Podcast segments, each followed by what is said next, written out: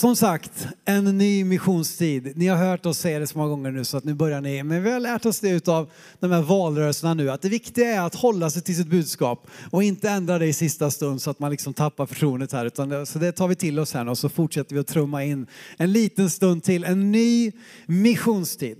Vad handlar mission om? Ja, det är ju ett uppdrag, en mission. Guds uppdrag, Guds mission. Ehm, och det är det som vi ju vill vara uppkopplade med våra liv med. Att inte bara leva för oss själva, det vi själva kan åstadkomma, utan få ha liksom någonting högre, någonting större. Ehm, och att få koppla upp för oss själva i det.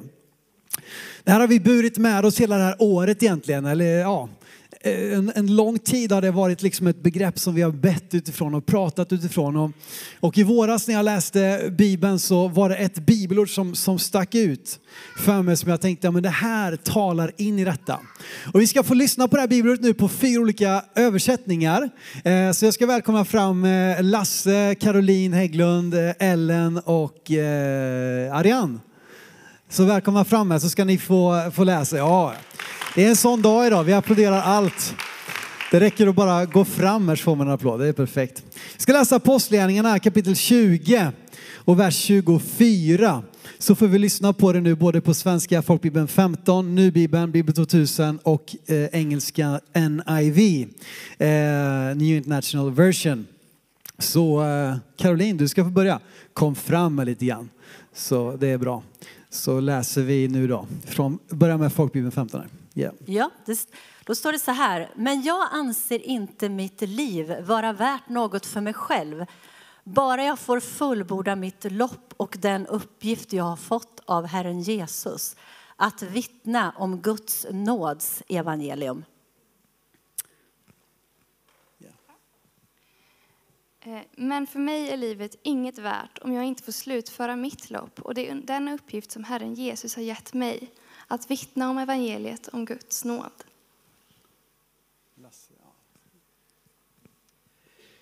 Men jag anser inte att mitt liv har något värde för mig. Jag vill bara fullborda mitt lopp och det uppdrag som jag har fått av Herren Jesus att vittna om Guds nåderika evangelium. However, I consider my life worth nothing to me My only aim is to finish the race and complete the task the Lord Jesus has given me, the task of testifying to the good news of God's grace. Amen. Där fick ni det. Fyra olika översättningar, tack så jättemycket. Det, det, det hänger en applåd i luften, jag märker ju det. Det är så, en sån, det är en, som sagt, det är en sån dag. Eh, det här versen, att mitt liv, jag anser inte mitt liv vara värt någonting för mig själv. Bara jag får fullborda mitt lopp, den uppgift jag har fått av Herren Jesus. Vad är det för uppgift då? Jo, att vittna om Guds nåds evangelium, eller evangeliet om Guds nåd, eller Guds nåderika evangelium, eller to the good news of God's grace. Jag älskar det. Ehm, det är lätt för oss att vi ofta titta på, vi, alltså, vi satt och snackade härom, häromdagen faktiskt om, om eh, de olika generationerna. Vet vi, man kan studera olika, det finns generation X och det finns millennials och det finns gen Z och nu är väl gen alfa, eller gen A är den senaste här nu. Och vi millennials då, som jag tillhör, vi frågar gärna frågan what's in it for me? Vad kan jag få ut av det här? Vad tjänar jag på detta? Och det är lätt att leva liv eller titta på situationer och fundera på vad kan jag få ut av det här? Vad kan det här gagna mig på olika sätt? Men Paulus han var mer intresserad av att liksom fylla sitt liv med någonting meningsfullt än att fråga vad han kunde ta ut ur en situation. Vad kan de här politikerna, vad kan de ge mig? Eller vad kan den här situationen, vad kan jag få ut av detta? Och så vidare. Utan istället bara få fylla på sitt liv med någonting som är större, någonting som är högre, ett högre syfte, någonting som är meningsfullt. Och jag tror att det är bland det största vi kan göra. Att liksom fylla våra liv med någonting av mening och inse att, att det liksom, livet handlar inte bara om mig utan någonting som är större. Det finns en större mission, det finns ett större syfte, det finns ett större uppdrag som Gud vill inbjuda dig och mig att bli en del av. Så jag tänkte jag ska göra som jag gör ibland, att vi ska ta den här, den här versen och ska vi bryta ner den lite grann och ska vi börja bakifrån och eh, typ gå till början, inte riktigt, men vi börjar i alla fall med slutet här. Min första punkt är därför evangeliet om Guds nåds nåderike evangelium. Det är min första punkt här. Evangeliet om Guds nåds nåderike evangelium. Det är ett underbart budskap. Eh, och det är det som, som, det, som den här versen lyfter fram, det som är uppdraget han har fått. Vi har ju precis varit med om val i Sverige och eh, precis som i väldigt många andra delar av världen så känner vi ju det att, att vi är mer liksom, det känns i alla fall som att vi är mer polariserade än någonsin. Liksom. Det är ju någon slags trend i världen och kanske att det här eh, ofiltrerade som ju är, det här är realtidsrapporteringarna och ofiltrerade liksom, eh, ja, allt som händer på sociala medier, det går så snabbt och det är så ofiltrerat. Eh, att det på något sätt bidrar också till att det blir ännu mer vi mot dem och alla som tycker så är dumma i huvudet och alla som tycker som jag, vi har rätt och sen så kastar vi liksom på varandra på det sättet och det finns en eh, påhopp, hat, en motvilja att förstå den andra. Och politikerna själva eldar ju på detta. Det är ganska intressant. Jag har läst lite grann om, om vad, de, vad de faktiskt kan göra som, som på riktigt ändrar väljare. Vad kan man göra? Jag menar valaffischer som sitter uppe, de, de får förmodligen inte en enda människa att byta parti de röstar på, utan det får ju bara mig att säga ja, det är, det är den jag röstar på. Och liksom lite sån självboost. Det här med debatterna diskuterar de också. Det är ett väldigt talande om vem som har vunnit debatten. Och, och det kan ju vara intressant, men förmodligen så påverkar inte det heller så jättemånga väljare. En sak som man har sett faktiskt påverka det är att knacka dörr. Eh, att gå där, det kan du få eh, väljare. I USA mätte man att var tolfte dörr gav dig en röst. Så det var bara att börja göra matten här och börja knacka dörrar. Och en annan sak som kan påverka väljare att byta parti, det är att tala illa om din motståndare. Det är någonting som man analyserat att det kan göra att du faktiskt får en väljare att byta parti. Om du kan gräva fram något riktigt dåligt, om du kan få den andra att se, se dålig ut. Och det är därför som det här negativa kampanjandet är en självklar del av varje valrörelse. Eh, och det, det, känns ju ganska sorgligt där det, det mer handlar om att visa hur dåliga de andra är än att tala om vad faktiskt man själv står för. Men så där är det. Det där klimatet lever vi och så ska vi liksom nästan vara så här, jag vet inte ens om jag kan vara granne längre med människor som inte röstar som jag. Eh, och det kan ju bli jobbigt. Men vet du vad? Vi har någonting annat. Vi är bärare av ett annat budskap. På engelska kan man säga we bring a good report. Vi har goda nyheter. Det är vad evangeliet betyder. Det är goda nyheter. Det betyder också det glada budskapet. Om vad då? Varför är det goda nyheter? Jo, för bränslepriset gick ner två kronor, det är underbart. Och sen nästa dag så gick liksom kilowattpriset upp med, med fyra kronor och det var inte lika underbart.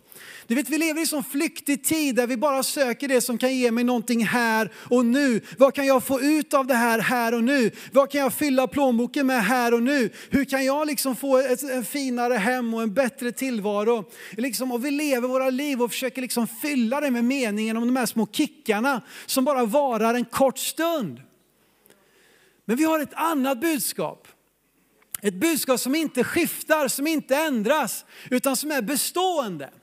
Och det glada nyheterna, de goda nyheterna, det är det att det är Guds nåd. Det är det som är de goda nyheterna. Guds nåds nåderika evangelium. Det är nåd som är vårt goda budskap och inte vilken nåd som helst utan Guds nåd. Som han har bevisat genom att han gav sin egen son att dö för dig och mig på ett kors för 2000 år sedan. För att ge varje människa, socialdemokrat som moderat, sverigedemokrat som vänsterpartist, allihopa få en chans att genom Guds nåd ta emot frälsningen som gåva. Det är vårt budskap. Det är det vi är kallade till. Det var det som Paulus sa, ingenting spelar någon roll så länge jag får predika evangeliet om Guds nåd. Ehm, och jag tror att det här är så viktigt för oss. Det är det här som är vår mission. Det är det här som är vårt uppdrag. Att vara bärare av de goda nyheterna. Att vara människor som vittnar om vad Gud har gjort i våra liv.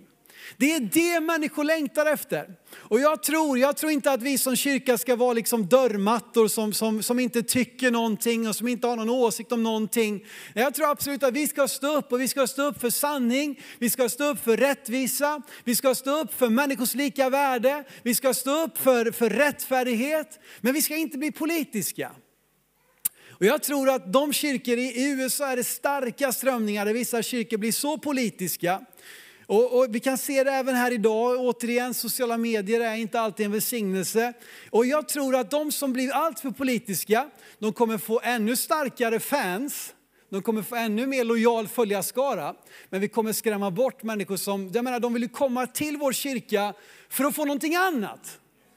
Då vill de ha allt det där andra. Det är bara att sätta på vilken nyhetskanal som helst, gå in och följa vilken influencer som helst så får de allt det andra. Vi har ett annat budskap de goda nyheterna. Och det är vårt budskap i all sin enkelhet men också i dess fullhet.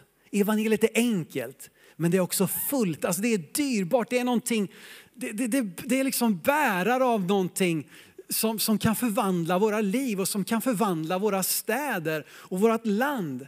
Bara titta på vad som har varit med och bidragit till att vi har en sånt liksom gott land idag. Ja, men det är kristna värderingar, det är någonting som, som har liksom varit med och bidragit till det, här, till det här landet. Det som är så hoppfullt är att vi inte bara också är budbärare av evangeliet, vi är också mottagare av evangeliet.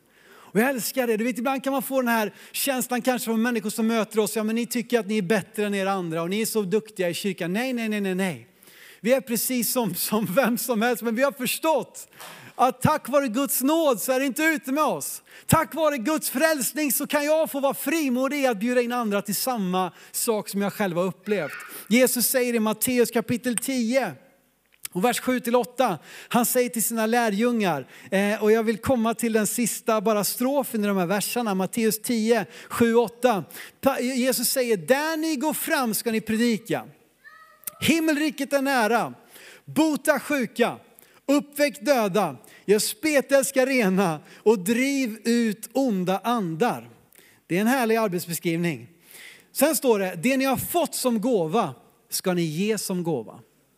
Vi är mottagare av Guds nåds nåderike evangelium och därför kan vi också vara budbärare av detsamma.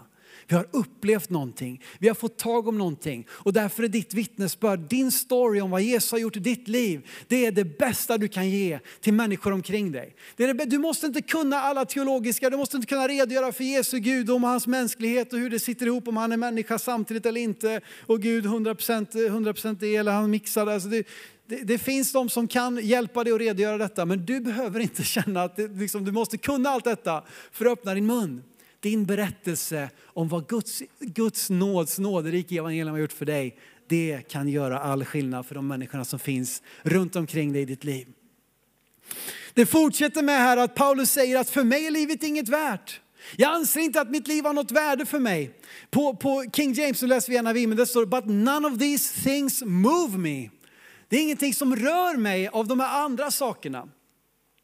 Eh, och min andra rubrik här, är ett värdelöst liv är ett liv utan värde.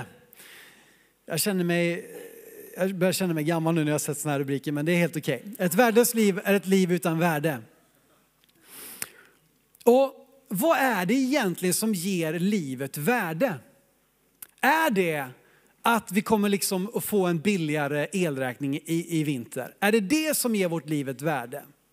Är det att jag kan fylla mitt liv, att jag kan åka på en lite bättre semester?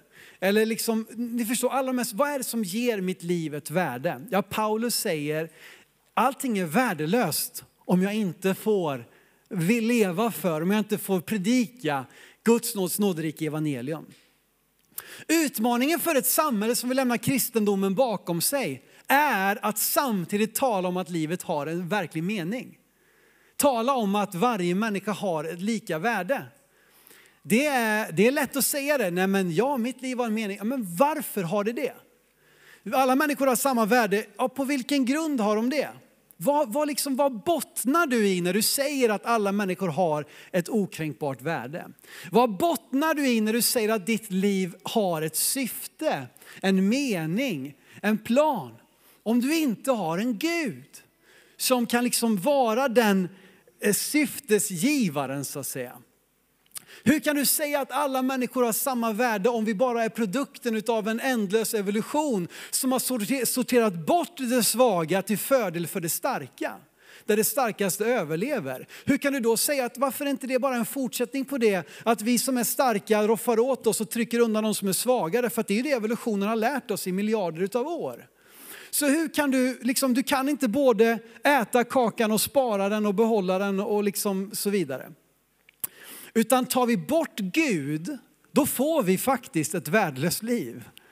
Det låter hårt, men jag tror det. Om du vågar ta liksom resonemangen hela vägen, och det finns de som har formulerat det bättre än jag. Men om du tar bort Gud ur ekvationen så är det väldigt svårt faktiskt att liksom motivera att vårt liv har ett verkligt evigt värde. Jean-Paul Sartre, existentialismens grundare, alltså en ateistisk gren som är liksom rent krast bara landar i utan Gud så är det så här. Han säger så här. Existentialisten däremot anser att det är mycket bekymmersamt att Gud inte finns. Ty med honom försvinner också varje möjlighet att leta efter några värden i en andlig himmel.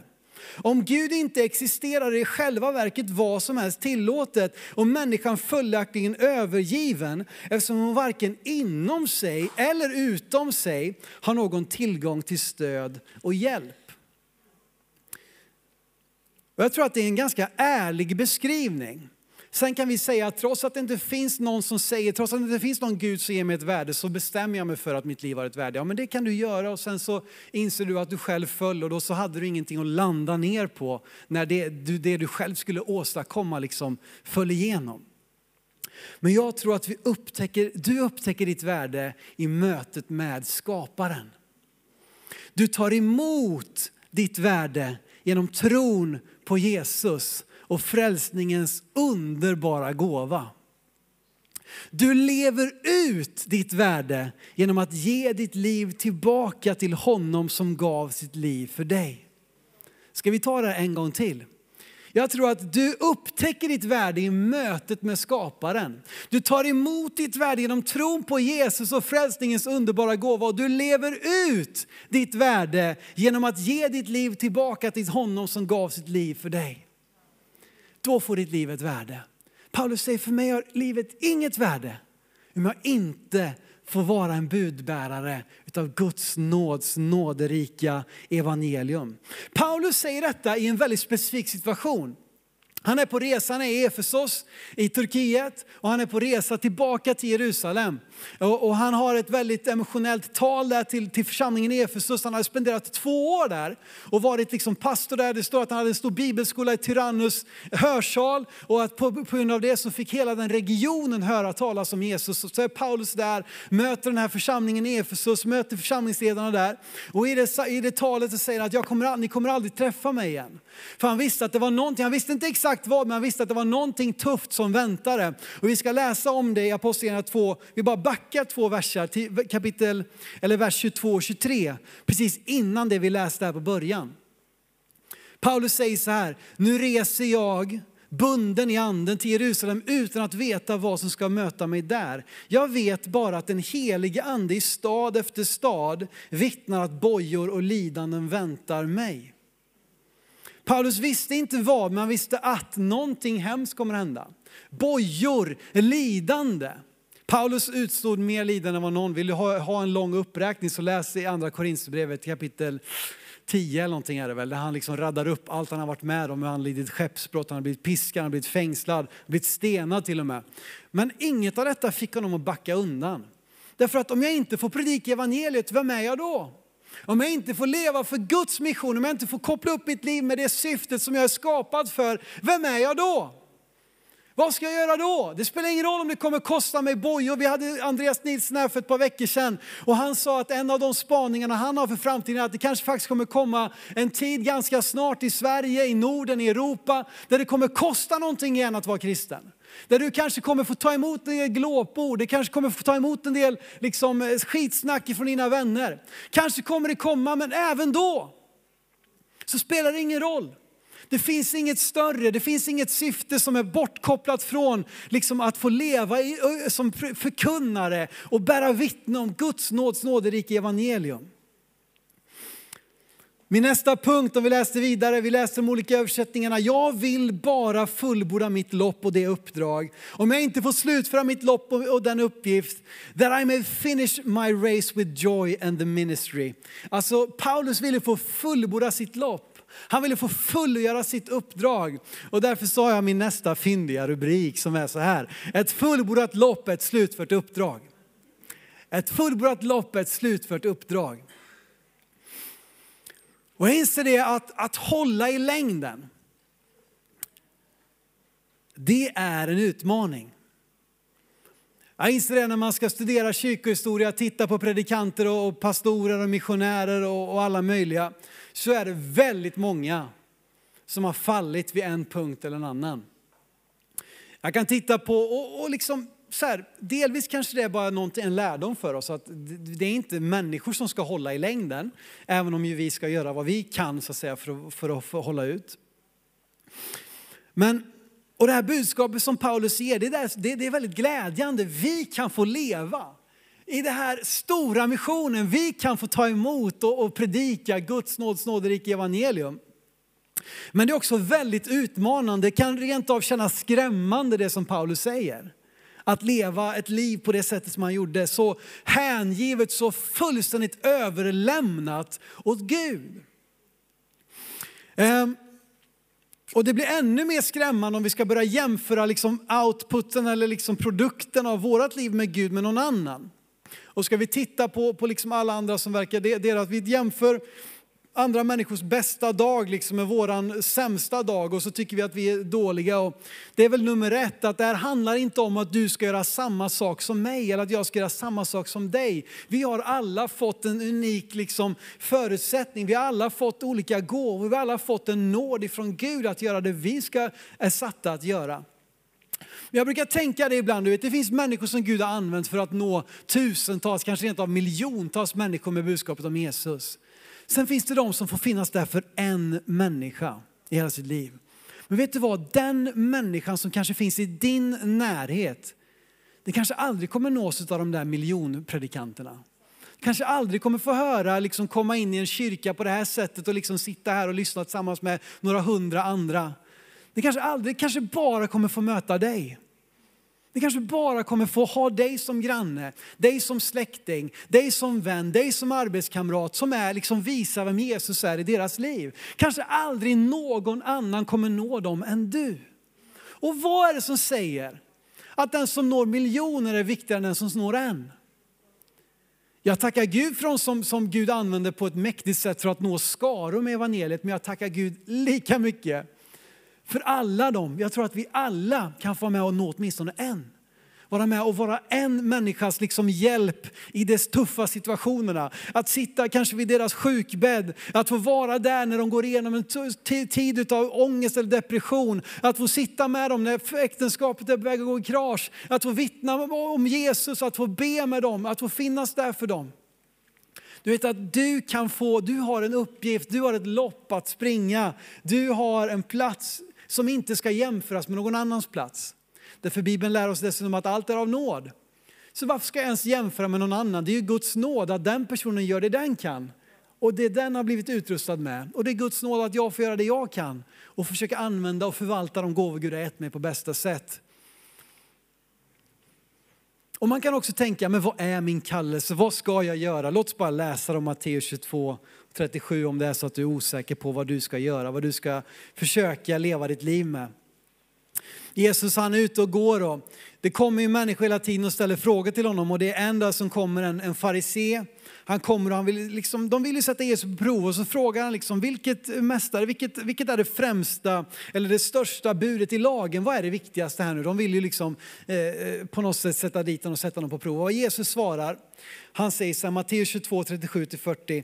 Jesus svarade, du ska älska Herren din Gud av hela ditt hjärta, av hela din själ, hela ditt förstånd. Det är det största och första budet. Sen kommer ett som liknar det. Du ska älska din nästa som dig själv. På dessa två bud hänger hela lagen och profeterna. Så enkelt. Älska Gud och älska din nästa som dig själv. För att om du älskar Gud och förstår vem han är, då kommer du börja älska dig själv. Därför att du ser på dig själv med hans ögon. Du inser att Jesus gav sitt liv för mig. Jesus han hade hängt där på korset om det bara vore för min skull. Så hur kan jag något annat än älska mig själv när han gav sitt liv för min skull på grund av hur mycket han älskade mig? Så när vi förstår och tar emot det, så utifrån den kärleken vi själva har mött så kan vi också få älska vår nästa. Leva för vår nästa. Att säga mitt liv är ingenting värt om jag inte också får vara en del av det Gud gör. Och jag kanske inte kan säga till dig vad du är kallad till, men jag vet några saker som du inte är kallad till. Vill du veta vad? Här kommer det, detta är du inte kallad till. Att leva för dig själv, det är du inte kallad till. Att samla på hög, det är du inte heller kallad till. Att stå utanför en kristen gemenskap, det är du inte heller kallad till. Och kanske att det är någonting av det som har börjat tränga sig in i ditt liv. Att du lockas att dra dig undan. Att du lockas, ja, nu är det nog bäst att vi tänker bara på oss själva. Jag är lite rädd för vad corona och hela den här grejen har gjort med oss.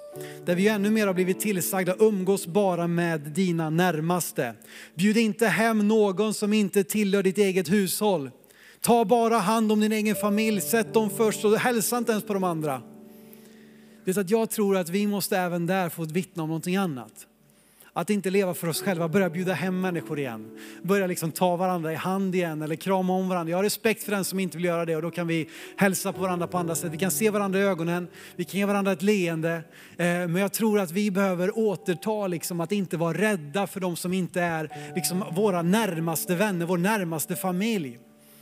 Guds rike är ett annat rike där vi alltid har en utsträckt hand till alla vad vi än har för bakgrund, vad vi än, om det här är vår första söndag eller vår hundrade söndag eller tusende söndag i den här kyrkan. Jag älskar bilden av ett lopp också. Att få springa det här loppet, att få slutföra loppet. Därför att grejen med ett lopp handlar, det handlar ingenting om hur du börjar ett lopp. Det handlar faktiskt bara om hur du slutar det. Det kan vara någon som ruschar iväg i början och drar iväg och du kan tycka senare liksom, det där kommer jag aldrig klara av. Eh, men vad det handlar om är ju faktiskt att komma över mållinjen. Och var du än, var, var liksom du än har sprungit för, för omväg just nu, eller hur seg du än har varit i början, eller hur, hur mycket du än har liksom börjat ge upp från hur snabbt du började springa från början. Så var du än är för någonstans så kan du få liksom på nytt bestämma dig för att jag ska slutföra mitt lopp. Jag ska, leva, jag ska fortsätta leva min kallelse. Jag ska fortsätta mitt lopp för ett slut för, vad sa jag för någonting egentligen? Ett fullbordat lopp är ett slutfört uppdrag. Tänk om vi fullbordar våra lopp utan bitterhet, utan besvik. Vi kommer bli besvikna men vi behöver inte låta besvikelsen ta över oss. Vi kan få leva, fortsätta leva i tacksamhet, fortsätta leva i nåd mot oss själva, mot varandra och få fullborda vårt lopp. Och vet du vad, när jag var, när jag var liksom 18-19 år, jag kunde titta på en del liksom eh, gamla eh, gråa, dammiga liksom kristna i olika kyrkor och tyckte bara, ah, vad tråkigt det där ser ut. Men vet du vad, idag är en helt annan approach. När jag möter människor i vår kyrka, i andra kyrkor, som har stått fast, som har varit trogna över tid. Jag har sån respekt för de som har gjort det genom hela livet varit trogna, varit uthålliga. Som till och med när man sitter kanske på sjukhemmet och inte längre av hälsoskäl kan komma på gudstjänst, fortsätter att betala in sitt tionde när den lilla pensionen som finns kommer in, fortsätter att be för församlingen varje dag, fortsätter tacka Gud för det som Gud gör. Jag har sån respekt för det. Det är mer värt än att kuta iväg i ett 100 meters tempo när vi faktiskt har ett maraton framför oss att genomföra.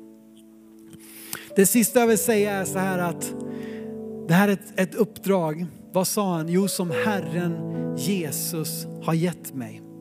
Som jag har fått av Herren Jesus, jag har fått av Herren Jesus, received from the Lord Jesus. Förra hösten dog min morfar. Han var den sista i den generationen. På bara några år så förlorade vi både farmor, farfar, mormor och så morfar till sist. Då. Men det jag är väldigt glad för idag är att jag fick med mig ganska mycket från morfars hem. Ehm, saker som liksom, ja, kläder, jag fick en morgonrock, lite skjortor som jag har på mig lite grann här ibland. Ehm, och hemma i vårt vardagsrum står nu en grön stressless, alltså, en, alltså den bästa sortens fåtölj. Alltså har ni sett dem? Ni vet när man bara man lutar så har man en fotboll där framme alltså. Du får tycka att den är hur ful Jag tycker den är snygg va? men grön härlig läder stressless. Som morfar satt i. Även om han inte hade den hela sitt liv så är det någonting jag förknippar med morfar med så är det att han sitter i den där riktigt så här päsig med fjärrkontrollen i handen och liksom sitter där och snackar skit och berättar gamla stories och, och ingen fattar vad han säger och så vidare. Och den hemma nu känner ju mina barn, eller framförallt Elton, som att det är ålderfars fåtölj. Den har ett förhöjt värde på grund av vem vi fått den av. Du kanske aldrig skulle ta in den i ditt hem, men jag har det. Jag har den i mitt hem och jag kommer strida för att den ska få vara kvar på grund av att jag har fått den av morfar. Och vem är det som har gett oss den här missionen?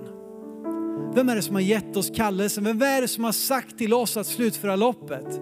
Vem är det som har gett oss ett uppdrag att predika om Guds nåds nåderika evangelium? Ja, det är ingen kyrka kan jag tala om för dig. Det är inget lönekuvert som har gett, gett mig det uppdraget eller dig det uppdraget. Uppdraget har vi fått av Jesus Kristus. Han har gett dig uppdraget. Du får tycka vad du vill om mig, du får tycka vad du vill om kyrkan i stort. Du kan få tycka att ja, det går ut för med kristenheten. Du får tycka vad du vill, men vet du vad?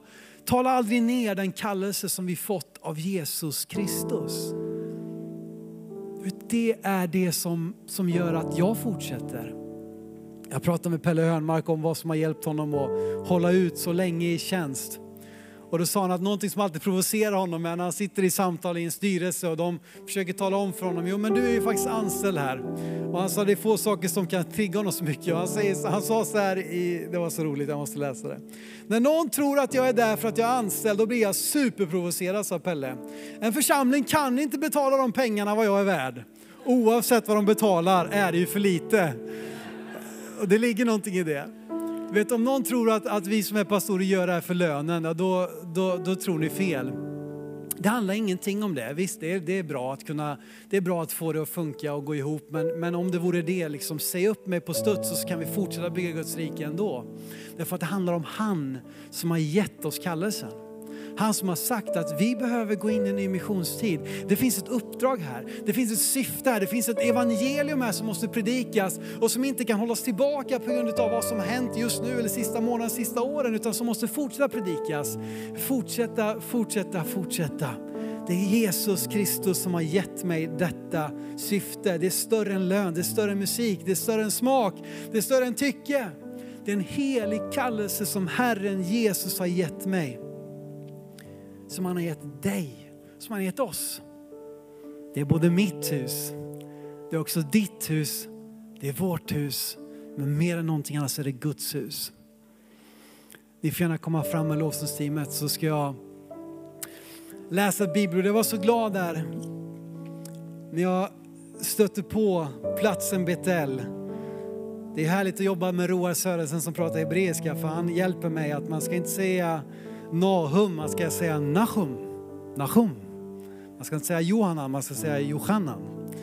Man ska inte säga Betel, utan det är faktiskt Betel som är lite mer riktigt uttal. Va? Och jag stötte på den här platsen i Hosea kapitel 12, vers 4-6. Vi kan väl stå upp tillsammans när vi bara läser den här, de här verserna till sist här. Profeten Hosea, Hosea skriver om det som hände i Betel när Jakob var där. Det står, han säger så här, han kämpade med en ängel och segrade. Han grät och bad om nåd. I Betel mötte honom Gud och där talade han med honom. Herren, härskarnas Gud, Herren är hans namn. Men du ska vända tillbaka med din Guds hjälp. Håll fast vid kärlek och rätt och hoppas alltid på din Gud. En ny missionstid är ett tillfälle att vända tillbaka till Guds kallelse. I Betel mötte honom Gud. Där fick han kalibrera sitt liv med Guds tankar och Guds syften.